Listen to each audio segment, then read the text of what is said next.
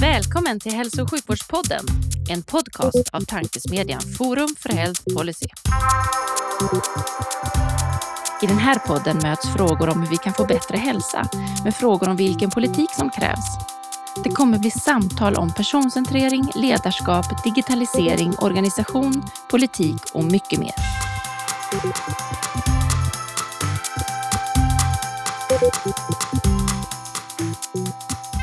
Hej och välkomna till Hälso och sjukvårdspodden, en podcast av tankesmedjan Forum för Health Policy. Forum för Health Policy är en oberoende tankesmedja som syftar till att driva på innovation och utveckling i hälso och sjukvården och omsorgen. Jag heter Magnus Lejelöw och arbetar till vardags för Läkemedelsindustriföreningen men är även styrelseledamot i Forum. Vid min sida sitter idag, som vanligt, trevligt nog distanserad. Inte trevligt att du är distanserad, men trevligt att sitta vid min sida. Livia Holm. Ja, härligt att vara distanserad fortfarande. Eh, Livia Holm, som vanligt eh, arbetar på KRI till vardags och är styrelseledamot i Forum för Health Policy. Och idag har vi förmånen att ha en gäst som har en väldigt bra koll på svensk hälso och sjukvård utifrån ett annat och lite mer tekniskt perspektiv än det vi i vanliga fall brukar utgå ifrån. Och som dessutom har en ny och het titel. Vi återkommer till den lite senare, men varmt välkommen Mattias Ekman. Tack så jättemycket. Jättekul att vara här tycker det är lika roligt för oss, om inte roligare. Eh, vi börjar som vanligt dock podden med faktaruta. Man vill inte överge sitt format. inte. Så eh, vi kastar oss in i, vilket tycker du är det bästa sjukvårdssystemet i världen och varför? Det är en väldigt spännande fråga när man ställer på det där sättet, liksom när man ska tvingas rangordna. Och jag tänker mig så att man kan ju tänka på det där på två sätt. Du använder ju liksom begreppet sjukvårdssystem, så att det är inte primärt kanske vården. Eh, och då... du, får du, får tolka det precis som du vill, Mattias. Ja, precis. Det är det som är roligt jag, jag, jag väljer ju att lyssna på dig, Magnus. Du vet, jag gör ju alltid det. Eh, nej, men då, precis in, innan sommaren så kom det ut en sån här ranking. Eh, jag tror att det var i CE World. Eh, och då kom ju Sydkorea och Taiwan ut som ett och tvåa och Danmark faktiskt eh, som trea. Eh, men när jag lyssnar med mina kollegor så här, vad de tänker och tycker så lyfter man väldigt ofta fram Schweiz som högkvalitativ vård men kommer då in på den här dimensionen att det är ganska fragmenterat och liksom inte så standardiserat. Eh, och det gör ju liksom att då landar man ju i Norden med våra strukturer, ett, ett riskbaserat system som är skattefinansierat, eh, med en drivkraft kring jämlikhet väldigt mycket. Så jag tycker så på, på frågan så här, systemmässigt så skulle jag säga att jag tycker att det sättet som vi har valt att strukturera vården på i Norden är det bästa. Sen vet vi ju alla att när vi går ner då i detaljerna med fragmentering och olika saker eh, så kanske tillgängligheten inte riktigt är på den nivån kanske som, som vi vill. Men ur ett systemperspektiv så skulle jag nog säga eh, de nordiska grannländerna och tvingas jag då välja då eftersom Danmark kom högre än Sverige i den här rankingen så blir väl svaret Danmark. Då. det är bra. Schweiz har man faktiskt varit uppe tidigare, inte så ofta, men det nämns. Men Sydkorea-Taiwan måste jag säga, Livia, det, det är ingenting jag, jag, känner igen. Kommer du ihåg, nu sätter jag pottan här, inte meningen, något eh, från den eh, artikeln, vad det var som gjorde att de rankades högt? Eh, jag tror så att där tittade man på, på infrastruktur, liksom, eh, an, användningen, eh, kostnad och liksom den, eh, själva liksom governmentstyrningen. Eh, där de länderna fick hög score, det var eh, väldigt kost, kring liksom kostnadsoptimeringen ur ett systemperspektiv, men kanske sämre då än, än Danmark kring hur hur väl eh, eh ur, ur ett kanske govern-perspektiv vården fungerade. Eh. Mm. Det är bra. Det där är väl lite som valundersökningar. Man kan hitta säkert en annan undersökning där något annat land toppar. Vi har 30, 30, avsnitt och vi sitter väl på 20 svar hittills. Ja. Det, det, är klart det finns olika perspektiv. Livia? Mm. Nej, men och där kommer man ju in i eh, vad det är man mäter. Vad man mäter eh, bestämmer ju hur rankingen landar så att säga. Om du skulle liksom välja ut tre parametrar som du säger eh, är de bästa parametrarna för att faktiskt mäta och utvärdera vården och hur den levererar. Vilka skulle det vara och varför? Eh, här skulle jag nog då kanske våga omformulera. För det är såklart om man ska mäta vården, då, då blir det naturligt att svara sådana här inte enkla saker, men det är så medicinsk kvalitet, tillgänglighet och, och, och de delarna. Eh, jag skulle vilja ligga kvar i liksom den här systemfrågan och kanske då slänga ut ett nytt sätt, eller det kanske inte är ett nytt sätt, men jag tror så här, man ska ju ta ett patientperspektiv ur det här. Eh, och, och det, är, det är svårt att mäta från första symptom till behandling. Vi pratar i standardiserad vårdförlopp från diagnos till behandling. Men jag skulle tycka så här, det vi borde betydligt bättre mäta, det är ju liksom klara av att mäta från första gången som jag var orolig eller trodde eller sökte för någonting till behandling. Det, det vore ett nyckeltal om man vill prata om, om den här systemfrågan. Eh, och sen om man lyckas bli datadriven så skulle jag också gärna vilja se att man faktiskt i systemet också kunde mäta hur bra man är på att få folk att undvika liksom, sjukvården, att stanna frisk. Ett, ett bra sådant exempel är ju den skenande liksom, eh, eh, ungdomsbarnfettman där vi ser liksom hur det skenar och det kommer ju få stora konsekvenser på vården. Så där skulle man också, tror jag, så här, ta sig en funderare, så här, kan man mäta hur bra systemet är att hjälpa mig att undvika tillstånd som jag är på väg in i? Eh, och den tredje delen, och ligga kvar i den här datafrågan, så skulle jag vilja att man faktiskt kunde mäta hur ofta information i systemet skapar nyttor för andra patienter. Inte bara liksom att det är min data för min vård, utan att vi får till det.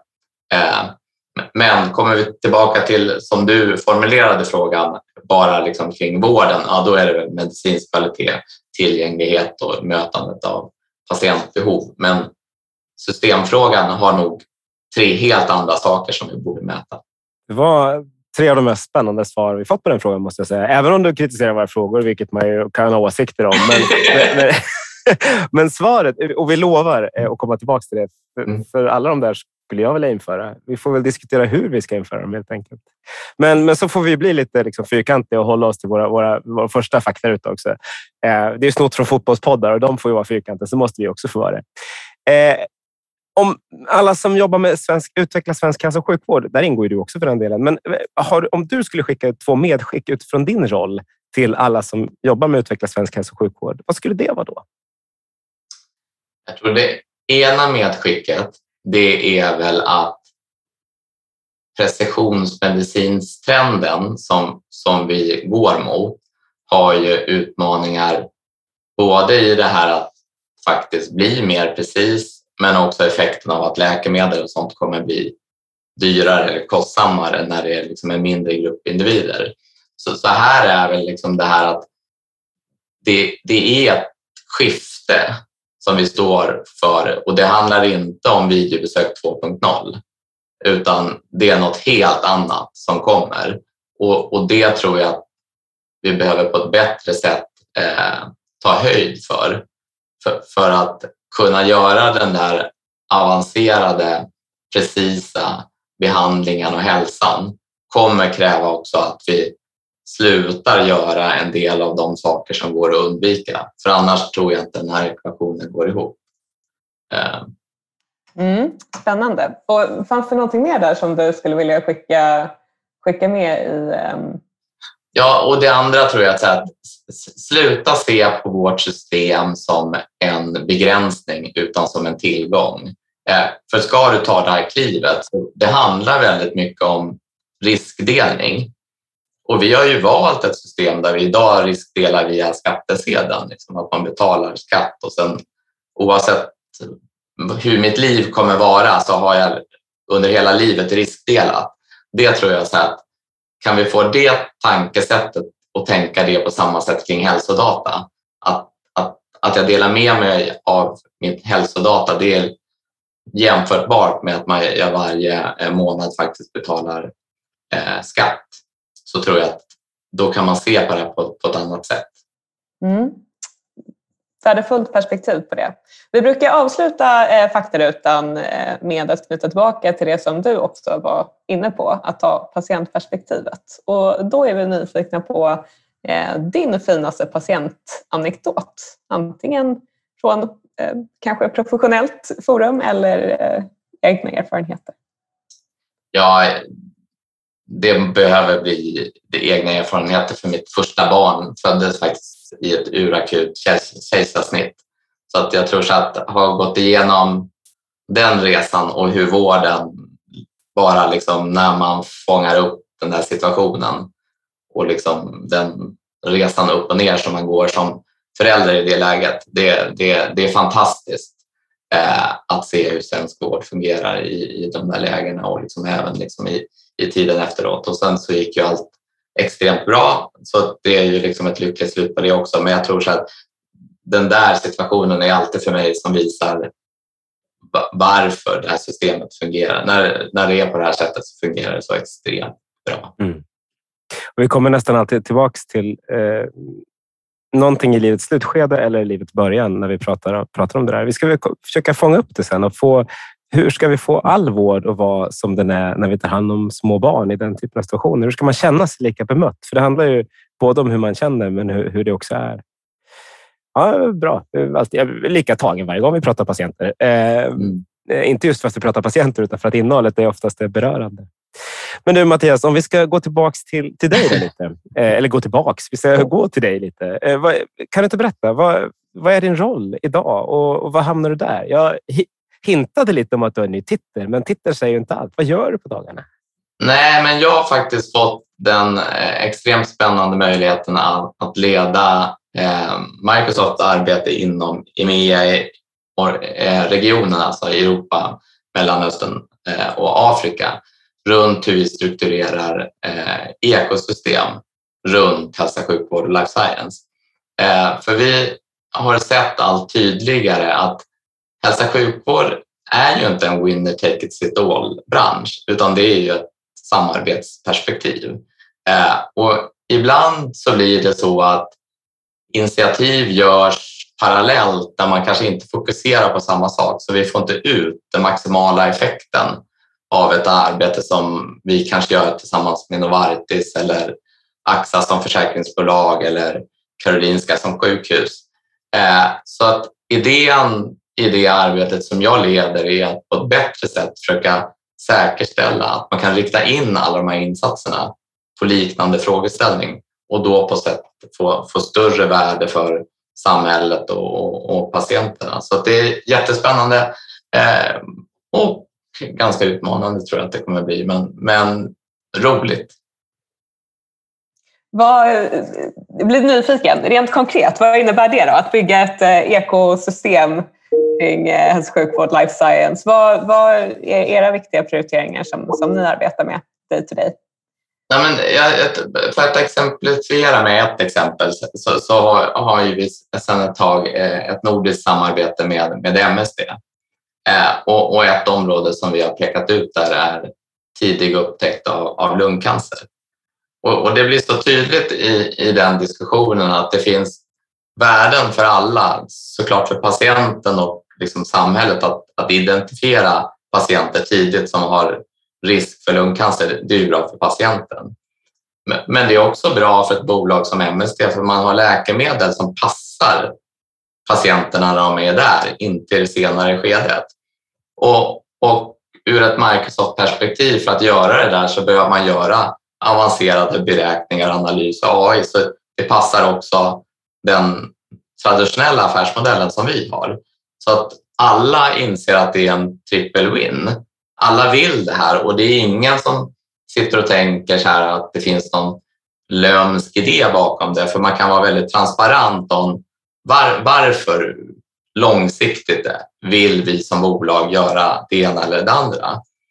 Men när man då kommer tillsammans alla tre så, så blir det en sån kraft i en sån gruppering så att man faktiskt kan göra saker och ta sig vidare som man kanske inte hade gjort om man bara hade pratat AI-projekt från Microsoft eller man hade pratat läkemedel från läkemedelsbolagen utan det, det är just när vi enas om en gemensam frågeställning som är viktig för samhället och patienten som faktiskt vi ser eh, den stora skillnaden. Så det är ett exempel och det andra är, är ju då arbetet vi gör med AXA som är ett Eh, franskt försäkringsbolag är att där är det väldigt fragmenterat. Liksom hela betalsystem och alltihopa. Så att det går, det går bort mycket pengar i systemet bara kring att det är papper, att det inte är digitalt och i slutändan så får ju patienten en, en dålig resa genom sitt vårdsystem. Eh, och där kan man också då hjälpa till med digitalisering. Så att det är mer att försöka liksom titta på vad, vad är den slutgiltiga patient och samhällsnyttorna i den här typen av samarbeten och hur kan vi se till att fler aktörer kommer samman för att lösa ett gemensamt problem. Två bra exempel och en, bonus är att du nämner en av Forums medlemmar. Det kommer vi få cred för, Liria. men du Mattias, hur hamnar du i rollen eh, där du är idag? Vad har du, vad har du gjort innan? För, för hamna, om man vill bli ansvarig för ekosystem på Microsoft, vad ska man ta för resa då? ja, oj. Nej, men jag, jag hade väl... Eh, innan jag började jobba på Microsoft så jobbade jag en hel del på, på IT-bolag som jobbar i, inom hälsa sjukvårdsdelen. Jag jobbade tidigt med mina vårdkontakter när det bara var i Stockholm och sen så blev ju det eh, nationellt. Eh, eh, men innan jag hamnade där så jag har ju en bakgrund som doktor i kvantfysik eh, och jag trodde väl aldrig när, när jag slutade min akademiska del på, på KTH och började i industrin att jag helt plötsligt skulle sitta i en situation där de här två världarna liksom fördes ihop. Men det är ju det som händer just nu och, och det är väl det som gör det extra spännande skulle jag säga med hälsa och sjukvård att biologi och digitaliseringen av liksom hela liksom forskningen och vården och blandningen mellan biopsier i verkligheten och digitalisering och AI och sen då i slutändan någon form av gigantisk beräkning på det där. Så att, ja, jag vet inte om svaret är så här, ja, du behöver vara kvantfysiker. Jag tror, det, det kanske inte hjälper så många i sina karriärsval då. Eh, Det låter svårt om man ska bli doktor i kvantfysik för att få arbeta med, med så här spännande frågor. Men eh, du var inne lite tidigare på att det, det, du pratar om nu, det handlar liksom inte om någon typ av eh, digitala vårdmöten 2.0. Och, och, då blir jag lite nyfiken. Eh, vad är mest utmanande i din roll? För jag tror att det är ganska många som arbetar inom hälso och sjukvård och framförallt som, som liksom rör sig runt om i samhället som kanske inte riktigt förstår vad, vad det här handlar om och inte kan se det framför sig. Är det någonting som, som ni upplever i ert arbete eller vad, vad stöter ni på för typer av hinder i utvecklingen?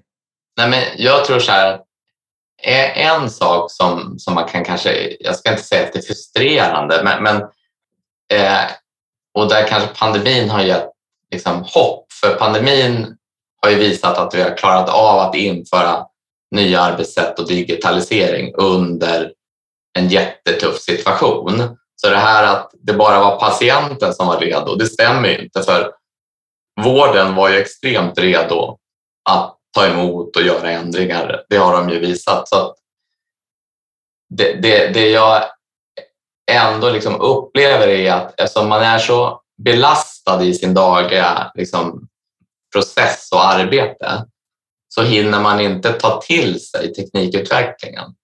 Förut när teknikutvecklingen kanske liksom gick, det tog sju eller tio år för liksom en, eh, en, en, eh, ett skifte att, att ske.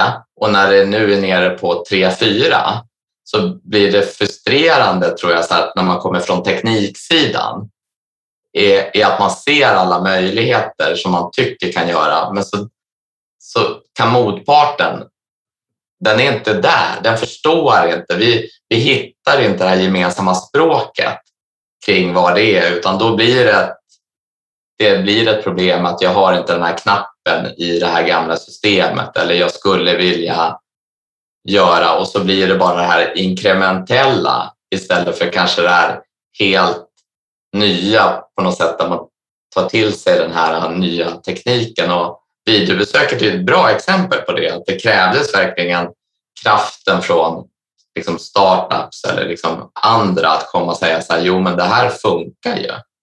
Eh, men det är svårare in i den kliniska verksamheten för man kan inte liksom cancerprocessen den är inne på sjukhusen och, och där upplever jag utmaningen i att använda sådana här liksom samarbetsverktyg, nya sätt att dela information eller visualisera data. Det hinner man inte ta till sig så att jag tror att det, be, det behövs någon form av så här digital skilling-initiativ för vårdens personal och det, det, är inte hur du använder en mobiltelefon eller skickar mejl utan det vad innebär att jobba med data? Hur visualiserar du? Hur, moderna verktyg, hur hjälper det dig att bedriva bättre vård?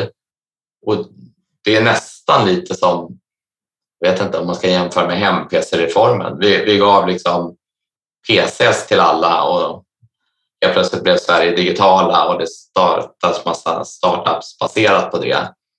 Här är det nästan som man skulle vilja ge någon form av teknikpaket till, till vårdpersonalen. Eh, Ja, det här som, som du är inne på med att man talar olika språk, man behöver arbeta tillsammans. Det är en mm. utmaning som, som eh, jag tycker man hör på fler och fler håll faktiskt. Just eftersom att tekniken blir mer och mer avancerad också. Det handlar inte bara om att digitalisera en eh, pappersblankett till en pdf utan det, det är rätt komplicerade grejer. Vem, hur arbetar ni för att liksom brygga det här, så att säga, hitta någon typ av översättare eller tolk? Eh, arbetar ni med det eller vilka tycker ni borde driva initiativ för att brygga de här skillnaderna? Det, det är en bra fråga och för oss är det en liten blandning för att det är såklart att vi tillhandahåller mycket verktyg och plattformar. Men i slutändan så det är inte Microsoft som bygger en CE-märkt applikation eller en, en, en AI-modell för, för klinisk användning. Vi kan hjälpa till, vi har teknik som gör det, men i slutändan så är det någon partner till Microsoft eh, som, som kommer göra det här. Så att för mig så är det liksom eh, både och grej att, att jobba med de befintliga aktörerna och det kan ju vara stora aktörer som Philips och GE runt mer att stoppa in samarbetsteknologi till att jobba med ett bolag som eh, Stratipas som gör AI på digitalisering av patologibilder och, och, och sådana delar. Eh, så att jag tror att det är lite så både och. att man behöver, Vi har ju fördelen att kunna jobba med det lilla bolaget och det stora bolaget eh, och erbjuda kanske olika saker för dem. För de små svenska bolagen så är det väl i slutändan en möjlighet att skala ut genom våra kontakter globalt. Eh, och för de stora bolagen är det väl mer att försöka lösa systemfrågor tillsammans. Eh, men, men som du säger, jag tror ju väldigt mycket på att man måste göra det här i ett nära samarbete med vården. För, för att sitta på kammaren mellan en startup och Microsoft och diskutera värden, då finns det stor risk att de inte kan omsättas i, i liksom värden för vårdpersonalen, patienten eller liksom systemet. Precis så. Förutom mitt och Livias jobb att få sitta och intervjua spännande personer så verkar du ha ett av Sveriges roligaste jobb inom hälso och sjukvård. Herregud vad mycket spännande det är som händer Mattias. Eh, men, men då, när, nu när vi ska gå, gå hem eh, efter det här och lösa din första, ditt första, mm, vad heter, din första parameter i hälso och sjukvården och gå från första symptom till behandling och mäta det. Hur, hur tänker du att vi kan gå tillväga då? För, för det lät ju som en sjukvård jag skulle vilja leva i när det är en parameter vi faktiskt mäter. Men jag tycker inte att vi är riktigt där idag. Nej, jag skulle säga att den är ju svår för att det här är ju en sån här klassisk grej att få människor att skapa information när man just nu inte ser något värde av den. Eh, och då kan man tänka sig så här, nej men det får de på vårdcentralen göra. Men, men den tiden finns ju inte att, att göra det. Så att jag tror att vi, i slutändan, vi behöver landa i att det behövs nog skapas någon form av symptomregistrering som du gör när du innan du bokar tid på webben eller när du sitter i väntrummet och väntar. Eh, och, och det är lite, kommer vara lite så att du kommer ge lite saker och sen förhoppningsvis så finns det någon intelligens som nästa gång du bokar ditt tid och så kanske du inte säger ont i huvudet utan ont i magen. Då kanske den här intelligenta bokningsassistenten kan säga så här, jag skulle vilja ställa tre frågor till.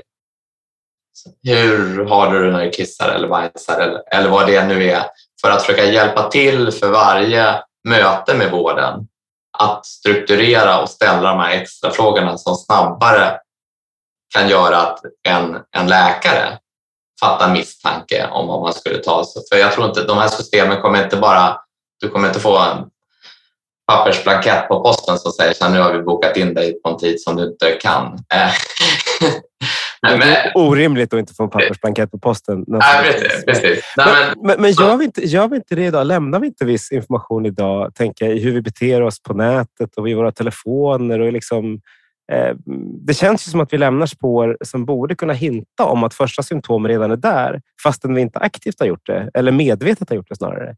Skulle vi kunna använda den informationen, tror du? Man brukar ta exemplet att depressivitet eller bipolaritet kan du, kan du liksom märka i beteendet på, på telefonen. Men jag tror ju precis som du pratade det här med lungcancer, att även den, den typen av beteenden borde du kunna se skillnader i aktivitet och skillnader i sökmönster. Och så där. Du ska vara tyst och låta dig svara. Nej, men jag håller helt med dig. Vi, vi gjorde ju för, för, flera år sedan en studie faktiskt som, som visade att man 12 månader innan man i sökfönstret på internet skriver jag har precis fått lungcancer faktiskt kan sätta upp en, en, en modell som 12 månader innan säger med hög sannolikhet kommer den här individen göra det. Eh, det är alltid svårt med de där grejerna ur ett integritetsperspektiv och liknande, viljan att att vilja göra det i de här andra formerna. Så jag tror ju för att, för att öka den akademiska viljan att beforska primärvården och, eller de här delarna och inte bara sitta på slutenvården så, så behöver vi på något sätt skapa struktur så, så att man känner att det är liksom kvalitet. Vi är kända för våra kvalitetsregister i Sverige och liknande. Så att, och, och, och, och jag tror att vi behöver landa i att vården behöver försöka via digitala stöd samla in den här informationen som blir någon form av symptomkälla som behandlas precis lika säkert som, som patientdata, en journal eller liknande. Men genom att vi samlar den innan jag har fått diagnos och liknande så, så kommer den kunna användas på, på, på ett liksom relevant sätt för min vårdresa. Eh, snarare än att vi ska tro att det är någon AI-grej som fångar upp att jag har gått på ICA eller liknande. Eh, det, det, kan också säkert komma, men just nu har vi inte ens strukturerad information om, om symptom innan besök. Eh, jag håller med. Nej, och vi, vi har, vi har, Livia har ett system där vi, vi slår på mikrofonen när vi pratar. Nu har båda mikrofonen påslagen hela tiden, för båda vi pratar.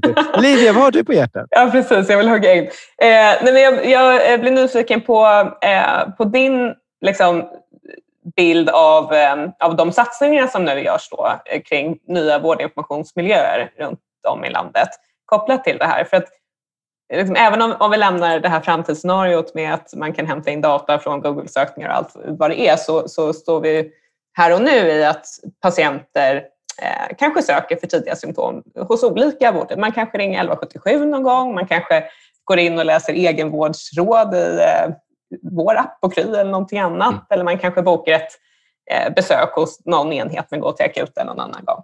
Eh, det här samlas ju heller inte idag upp på ett strukturerat sätt. Vad skulle, liksom, ser du att de här nya initiativen kommer leda till bättre möjligheter att samla den datan? Och om inte, vad skulle du vilja se istället framåt? Nej, alltså det, det går faktiskt tillbaka då till första, en av de första frågorna du sa, så här, medskick. Och, och, nu skulle jag vilja ändra mitt medskick. Och, och, det är faktiskt kring den här frågan. För det som du säger, så här, vi saknar en sense of urgency kring den här frågan. Att det går omkring patienter i det här äh, vårdsystemet som vi tycker är så bra som hinner dö innan vi kommer fixa till den här frågan kring tidig upptäckt av cancer. Men det kan ju vara sällsynta sjukdomar där det tar upp till fem år i genomsnitt att få, få en diagnos, för man springer runt i systemet som du säger. Så jag tror att här sa, på, på något märkligt sätt kan jag tycka så att man kan vara på Almedalen, man kan vara på Vitalis, så pratar alla om det här. Men, men man ser ju inte riktigt satsningarna. Stockholm budgeterade ju visst pengar för, för, för tidig upptäckt för, för, för cancer.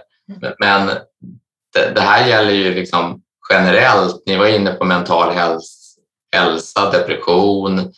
Jag nämnde ju övervikt hos mindre barn och liknande. Vi ser ju de här sakerna. Mm. Men, men det, det, känns som vi ibland i, i den här grupperingen av människor som, som är på lägen i livet just nu där vi kan fatta besluten. Så, så verkar det som att vi inte har bråttom för vi känner att är det nästa generation som ska ta hand om det här? Eh, och, så det, det, är väl ett, jag tror den här sense of urgency att vi kan inte fortsätta att inte ta tillvara på teknikens möjligheter för att fixa den här liksom tidig liksom identifiering av riskbeteende eller liksom risksituation eller Ja, för den typen av det du beskriver nu, att tidigt fånga upp så att säga, ja. sökmönster eller olika typer av symptom. Det är inte ovanligt att man har sökt många gånger för Nej. diffusa symptom under lång tid innan man får en mm. diagnos. Mm. Den typen av lösningar från ett tekniskt perspektiv, så länge datan tillgängliggörs, är ju ganska enkla att bygga. Ja, så att det, och det är det som gör mig så frustrerad att ibland när vi pratar de här modellerna om tidig upptäckt. Det har ju använts i, i UK en hel, en hel del kring tidig upptäckt av kolorektal cancer eller liknande. Det är inte så att det är en AI-modell. Det är ett antal parametrar, men, men det, det, är för många parametrar för att en, en läkare, en allmänläkare som träffar liksom ett par sådana patienter om året ska reagera. Ja, eller som bara har tillgång till ja. journaldatan på den specifika vårdenheten mm. där de sitter. Ja. Ja, nu ska jag också sluta gå igång på det här. Jag lämnar över till dig, Magnus. Nej, men I grunden så det, jag, jag sitter också här och biter på, biter på tummarna. För jag tycker det är oetiskt att, att inte använda data vad det gäller mig själv snarare än att, att det är oetiskt att använda data. Men det är det som är svårt. Vi är olika som individer och det finns olika system. Vi, tar, vi glider väl vidare då lite och krafsar lite på andra ytor. En annan sak som, eh, som vi pratat om några gånger, Mattias, handlar om förmågan att sprida kunskap. Du brukar dra ett exempel om sepsis i Helsingfors. Orkar du dra det för våra lyssnare också? Ja, men det, jag tycker det är ett bra exempel på där, där man har lyckats bygga en, en modell för identifiering av eh, sepsis hos nyfödda. Eh, och en sån där modell, när den väl finns, så kan man ju ställa sig frågan så här, hur annorlunda är den i Finland, i Norge, i, i Danmark, i Sverige? Och hur lång tid tycker vi att det är rimligt i ett skattefinansierat system innan sån kunskap används i ett annat land. Eh, och, och det visar sig betydligt svårare än vad man tror att göra det här. Men det, jag kan ta ett exempel till. Jag menar, vi har ju hållit på med det här med tidig lung, eh, upptäckt av, av, av lungcancer. Det har tagit över ett år för att ens komma fram till var datat finns som man skulle kunna göra på det här. Så det, det, visar ju att ibland så är ju problemen ligger så här, kring data eller så här, kanske viljan att samarbeta eh, så, som är en, en utmaning också. Eh, och, och, det har ju ingenting med teknik att göra utan det är kanske mer, mer inställning och eh, ambition. Vi kan väl bara hålla med fullt Nu har Livia micken på igen. Herregud, kör du!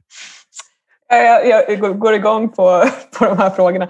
Eh, du säger det, bristen på liksom, viljan att samarbeta.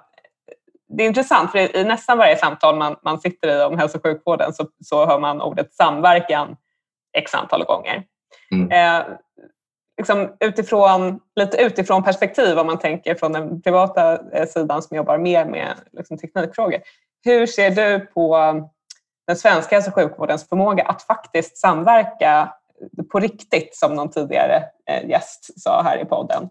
Eh, vad är liksom dina observationer? Nej, men jag brukar ofta ta ett citat från eh, en person från Länsstyrelsen på VGR när jag tidigare jobbade inte på Microsoft då, men vi jobbade med etableringsprocessen för, för nyanlända. Och hon sa då så att alla vill samverka, men ingen vill bli samverkad. Och det tycker jag liksom belyser ganska bra ibland hur det här fungerar. Eh, är att det, det, finns en intention väldigt tydligt att vilja göra det. Men, men sen när det ska bli liksom praktiskt att göra saker så brister det ibland just på grund av att ansvar ligger på väldigt olika ställen. Eh, och att man kanske när man lämnar det där mötet där alla är överens om har andra uppgifter och andra agendor så att eh, det saknas den här eh, projektledaren för att få det här igenom. Och både Magnus och jag har ju varit involverade i det här Nordic Interoperability som, som är ett väldigt bra exempel på där man är ännu mer komplicerar när man säger att man ska samverka över Norden. För där finns det ju aldrig någon, när man lämnar Vitalis eller HIMS, då åker alla hem och alla var överens om att vi skulle samverka i, i, i Norden. Och så kommer man tillbaka ett år senare och så sitter alla där igen så här, ja det vore jättebra. Ja, vi behöver vara 27 miljoner i den här databasen och 10 miljoner är lite för lite. Och, ja, men vi ses här om ett år igen. Eh, och så händer ingenting. Och det är väl det som är lite utmaningen tror jag. Så att, att teknikutvecklingen går så fort så gör man ingenting emellan de här aktiviteterna när man möts så har det hänt så mycket runt omkring så att man kanske nästan kan tappa energin i frågeställningen. Ser du att det finns en risk att eh, liksom, bristen på den här förmågan gör att hälso och sjukvårdssystemet liksom, halkar efter teknikutvecklingen och vad skulle det få för konsekvenser? Ja, det där är faktiskt en intressant fråga för jag tror att det som händer nu om vi pratar digitalisering och kanske pratar så användning av AI och matematik så är det fram till idag så har vi digitaliserat med ettor och nollor men vi har digitaliserat precis det vi gör. Det här dokumentet eller den här journalen. Men när vi ska börja prata AI och preventiva saker eller liksom vårdval, då börjar vi digitalisera samhällskontraktet på något sätt, våra värderingar och liknande. Och där tror jag så att under de närmsta fyra, fem åren så kommer den här tekniken bli så mycket bättre.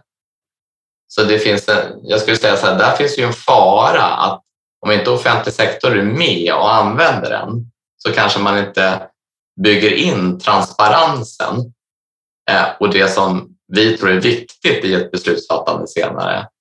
Så att de här sakerna, de kanske blir så bra så att man känner ur ett kostnadsperspektiv att man är tvungen att använda dem men man förstår inte varför. Och då har man helt plötsligt massa bias och egentligen så symboliserar inte jämlik vård alla de här olika sakerna. Så där tror jag precis som du säger, det är jätteviktigt idag att offentlig sektor inte hamnar efter.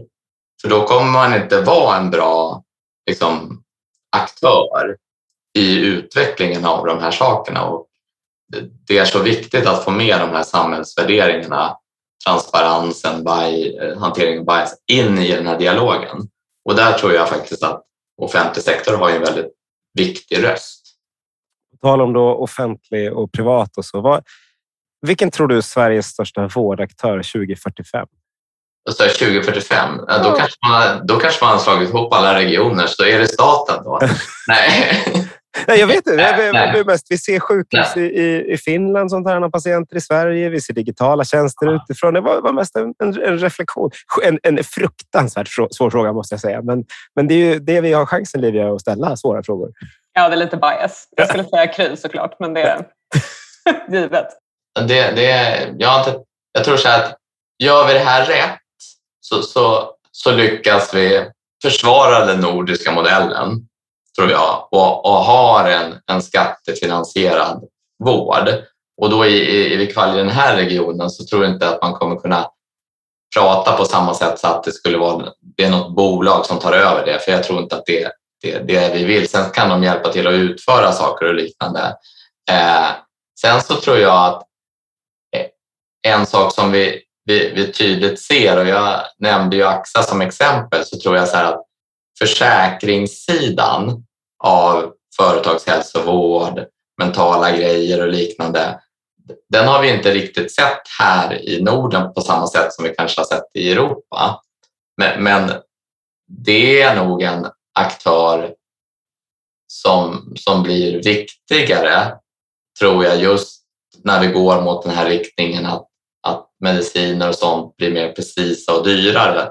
Då behövs det kanske andra riskdelningskomponenter. Så att jag tror att liksom, samverkan mot det försäkringsdrivna kopplat till det offentligt finansierade, den balansen behöver man nog hitta och titta eh, på. Eh, och det, det tycker jag att jag ser från andra delar i Europa, att de aktörerna blir betydligt större aktiva aktörer för att försöka lösa fragmenteringen. Och som jag, jag nämnde tidigare, att just bara, bara kostnaden för dem, att se till att läkaren får betalt, drar jättemycket pengar så att de vill digitalisera det flödet och sen är frågan så här, vilka mertjänster kommer de då börja leverera när de blir en sån aktiv del i, i patientresan. Då kan vi rekommendera antingen avsnittet innan eller efter det här som kommer att ha väldigt mycket försäkringsfokus. Livia ah. vet inte riktigt vilka som kommer först, men vi har en väldigt spännande gäst där i närheten av det här.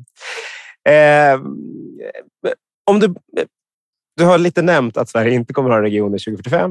Eh, det vet man ju aldrig vad som händer naturligtvis. Du har också sagt ja, det, jag tror det. Jag tror så att eh, på den där frågan, det diskuteras mycket fram och tillbaka, men man får inte heller komma ifrån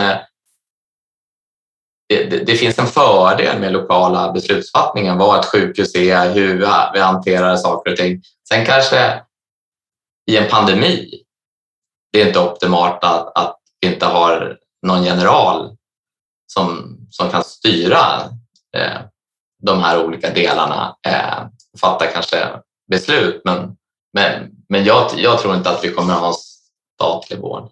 Nej, du, du, var faktiskt, du, du, tog in lite det jag tänkte fråga om. För jag mm. tänkte så, ur, ur ett globalt företagsperspektiv, vad är fördelen med, med 21 regioner? Eller om det är sex regioner, hur många regioner vi nu har i framtiden. Liksom, vad är, vad är, hur, när du ska sälja in Sverige utifrån ett regionalt perspektiv kontra, kontra det globala, finns det fördelar då? Nej, ja, alltså där, där tror jag, så här, om man ska vara ärlig, när man säger att vi har delat upp Sveriges befolkning på 21 olika huvudmän och dessutom så delade vi upp omsorg i 290, då, då brukar det kunna bli lite så tyst. För det, det, blir inte många människor i varje sån här liten hink. Då. Är det sant? Nej. Jag hade hoppats att det skulle vara något om innovation, eller innovationskraft eller driv eller något sånt, men inte... Nej, men det, och det, det är för mig inte kopplat till, till den här strukturen. Jag, jag tror att eh, om vi tittar på, på Sverige och Norden, när man tittar på det utifrån perspektiv, så är det såklart att kvalitetsregister, världsledande forskning, personnummer. Det, det finns ju massa saker som, som är till vår fördel. Eh, men vår nackdel är ju att vi bara är 10 miljoner. Om vi ska prata om den här AI-resan är att det är såklart att ett land som Italien som ligger, ligger efter strukturmässigt men som är 55 miljoner och har genomgått samma typ av explosionsartade digitalisering under pandemin som oss så skulle jag säga att det som har hänt under pandemin är väl att om vi kände att vi låg före kring liksom digital vård och liknande så har ju alla infört det idag. Eh, men, men de länderna kanske inte har legacy av digitalisering av IT-system från 80-talet. Så att frågan är så här, hur länge är den här liksom mängden data som vi har sparat så strukturerat eh, liksom våran guldgruva eller när blir en kattguld om man ska säga så. Och det, och det tror jag är också en sån insikt att förstå att man behöver börja göra saker runt de delarna och sen som, som avslutning på det säger jag att Karolinska sjukhuset blev rankat som det andra sjukhuset eh, i världen utanför USA och Kanada. Ja, men det är såklart att i ett globalt bolag, så det är sånt, sånt ser man och sånt hör man och förstår. Så att vi ska vara jättestolta över den där typen av eh, positionering. Särskilt eh, säkert när det är ett institut vid sidan om som också är rätt högt rankat så finns det liksom... Ja, ur ett forskningsperspektiv. Så att jag säger så här, runt Solnavägen, så, så där kommer vi väl tillbaka så här. Hur lång tid ska det då få ta för världsledande forskning på ena sidan Solnavägen att hamna vid sängkanten på andra sidan Solnavägen? Det, det, det är ju liksom, förr i tiden så gick ju den där forskningen via en publicering i Nature eller liknande och någon satt och läste den och skulle liksom föra in ett arbetssätt. Idag är ju den där forskningen oftast paketerad i någon form av matematik så det skulle gå att flytta den så fort den är godkänd och publicerad så borde man kunna stoppa in den på andra sidan. Precis. Så den där hastigheten tror jag att det är någonting vi behöver jobba med. Och eh, tillbaks till det, jag går tillbaka till din andra fråga i faktarutan igen vad det gäller de tre bästa parametrarna att mäta. Eh, och du sa hur ofta information verkligen skapar nytta. Är inte det något som egentligen skulle kunna lösa både det sista du sa nu och, och svaret innan? Det vill säga hur vi skulle kunna se till att Sverige, att man eh, får lite fart på allting och visar att vi verkligen gör nytta. Och ligger om, om man kunde mäta det ja. och, och ställde krav på det. Har du något tank tankesätt på hur man skulle kunna mäta det? Då? Jag förstår att vi, för vi gör inte det fullt ut nu tyvärr. Det blir ju en, liksom en, en koppling till det här liksom konceptet risk, frisk, sjuk. Jag tror att då är vi inne i så här, hur många gånger har det genererat någon form av tips från systemet för mig att antingen undvika att fortsätta ha ett beteende eller hjälpa mig att komma till rätt plats i vården. Och det skulle man ju faktiskt kunna mäta. Om man var helt datadriven så skulle man ju kunna mäta de där liksom, tipsen från systemet om vi säger det. Sen om det är Eh, det, din, din husläkarkontakt som, som lämnar över tipset för att det ska vara validerat eller liknande eller om det är i, i, i den fortsatta eh, kontakt med vården efter en canceroperation eller en depression eller liknande. Så det behöver inte vara så att man ska tänka sig att det är en robot som åker runt och gör de här tipsen. Men, men faktiskt så skulle man kunna mäta hur många gånger systemet hjälper en person i professionen att styra en människa rätt baserat på data. Du har varit inne några gånger på det här med liksom förmågan att ta till sig ny kunskap, att samverka med andra eller att bli samverkad med. Ehm, och just eh, den här sense of urgency, alltså var, varför tar det så lång tid mm. mellan konferenser att sätta det i verket? Så att säga. Vad skulle du vilja se mer av vad gäller ledarskap inom hälso och sjukvården? Men, är det det det handlar om eller är det någonting annat? Nej, men jag, jag, tror, jag tror ju jag tror vi börjar uppifrån. Från, det är ju alltid jobbigt i politiskt styrda organisationer för att det är så kortsiktigt när man kanske finns kvar eh, och man kanske inte är så riskbenägen eh, i, i initiativ. Men, men jag tror ju det här att, att skapa en kultur där det är okej okay att prova saker på ett annat sätt. Och, och det finns ju flera eh, sätt som man har försökt skapa innovationsfondspengar till de anställda att frigöra tid och liknande. Så att jag tror att det behövs ju mer av den där typen av aktiviteter att, att tillåta det. Men sen så tror jag så att det finns en, en liten så skillnad mellan kanske USA och, och, och Norden. Det är att det, det, är kanske lite fulare här att starta bolag om man är kliniker eller jobbar i vården. Medan kanske i USA så är första frågan så här, vad, vad, vad heter ditt bolag? Eh, för att du, du kom, har ju kommit på något bra här. Så att jag tror också den där kulturen, att, att hitta den där balansen hur, hur faktiskt insikter kring effektivisering, om det finns en marknad för det, hur, hur man på ett bättre sätt kan liksom paketera det och föra ut det på fler ställen i Sverige men även internationellt. Och, och där tror jag att det eh, skiljer sig en del och, och, vi jobbar ju lite med Helsingfors och där har de ju försökt skapa något program, liksom starta-program för, för, för vår personal för att liksom lära dem att se de där sakerna.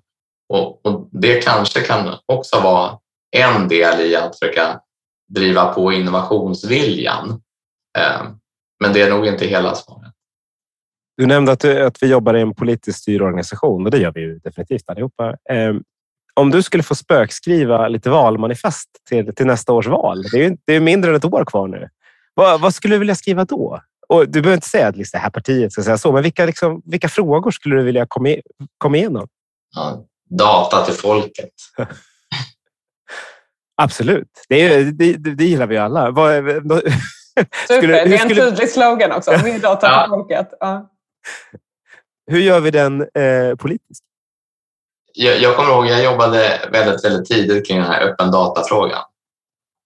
Och den, den, var ju lite liknande ur det perspektivet att alla sprang omkring och sa att öppen data var så liksom, nyttig och liknande. Men det fanns ingen myndighet eller industriaktör eller privat aktör som kunde gå till finansministern och lägga business caset på bordet och säga så här. Du, om du släpper all data fri, så här många arbetstillfällen, så här mycket mer skatt kommer in. Så det, du ska ta lite pengar här och köpa loss Lantmäteriet, SMHI, allt det här datat som alla står och liksom pratar om. Eh, köp loss det från, från din budget bara för att du kommer få mer in.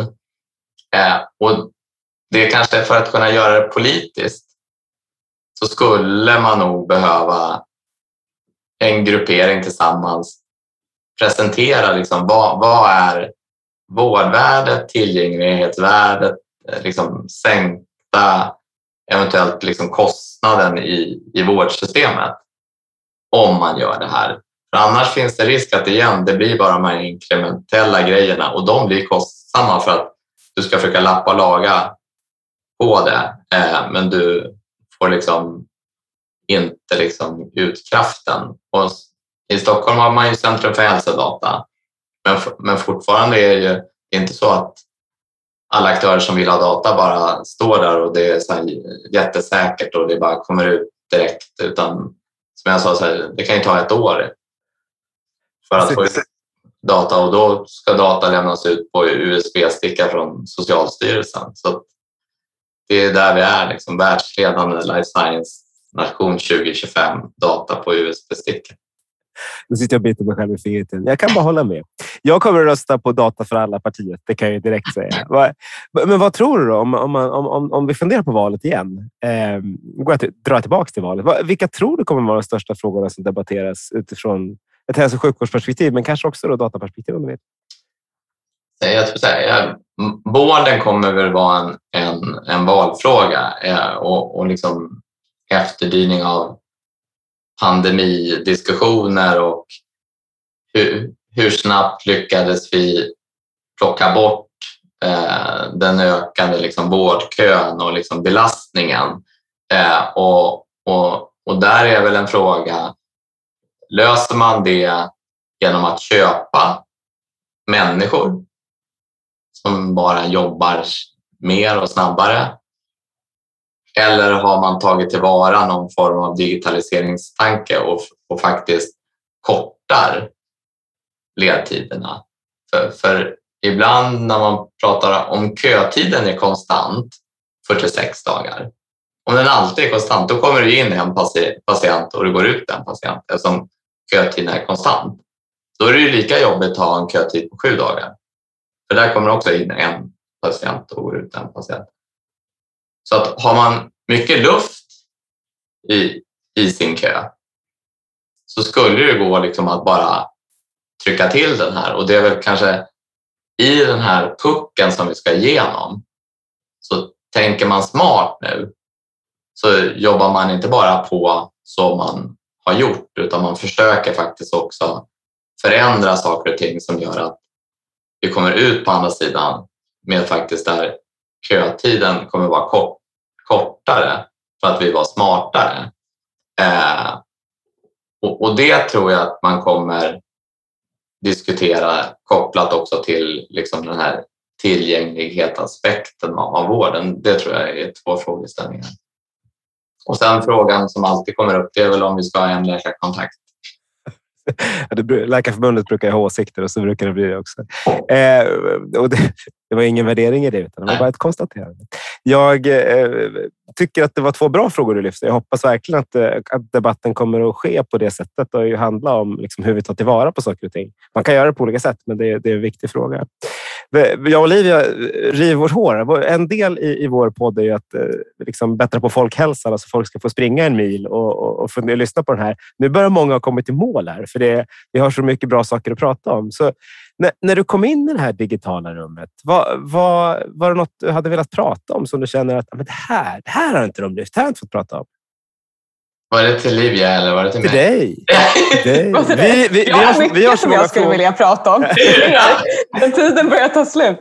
Vi, vi har massa nej. Nej, jag, nej, men jag, jag tycker det har varit en jätte, jättebra diskussion och spännande diskussion och jag, jag tror så att just, just den här frågan så här, hur kan vi inne i systemet göra aktiviteter som, som förändrar systemet? För jag tror ju inte på att vi utifrån försöker knäcka systemet för att det, det kommer inte fungera utan vi behöver ha väldigt stor respekt för det som händer där inne. Men det är ju då också en fråga så här, hur, hur kan vi föra in kunskap och kompetenser och insikter från andra aktörer som ser de här sakerna på nya sätt som gör att vi faktiskt snabbare gör den här förändringen.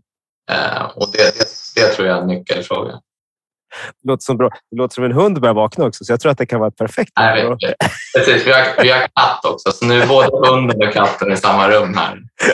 det är bra. Du, Mattias, tack så hemskt mycket för en jättespännande timme och en trevlig diskussion. Tack, och tack Livia för att, för att du har varit här som vanligt. Och tack alla ni som har lyssnat på Forum för Health Policies hälso och sjukvårdspodd.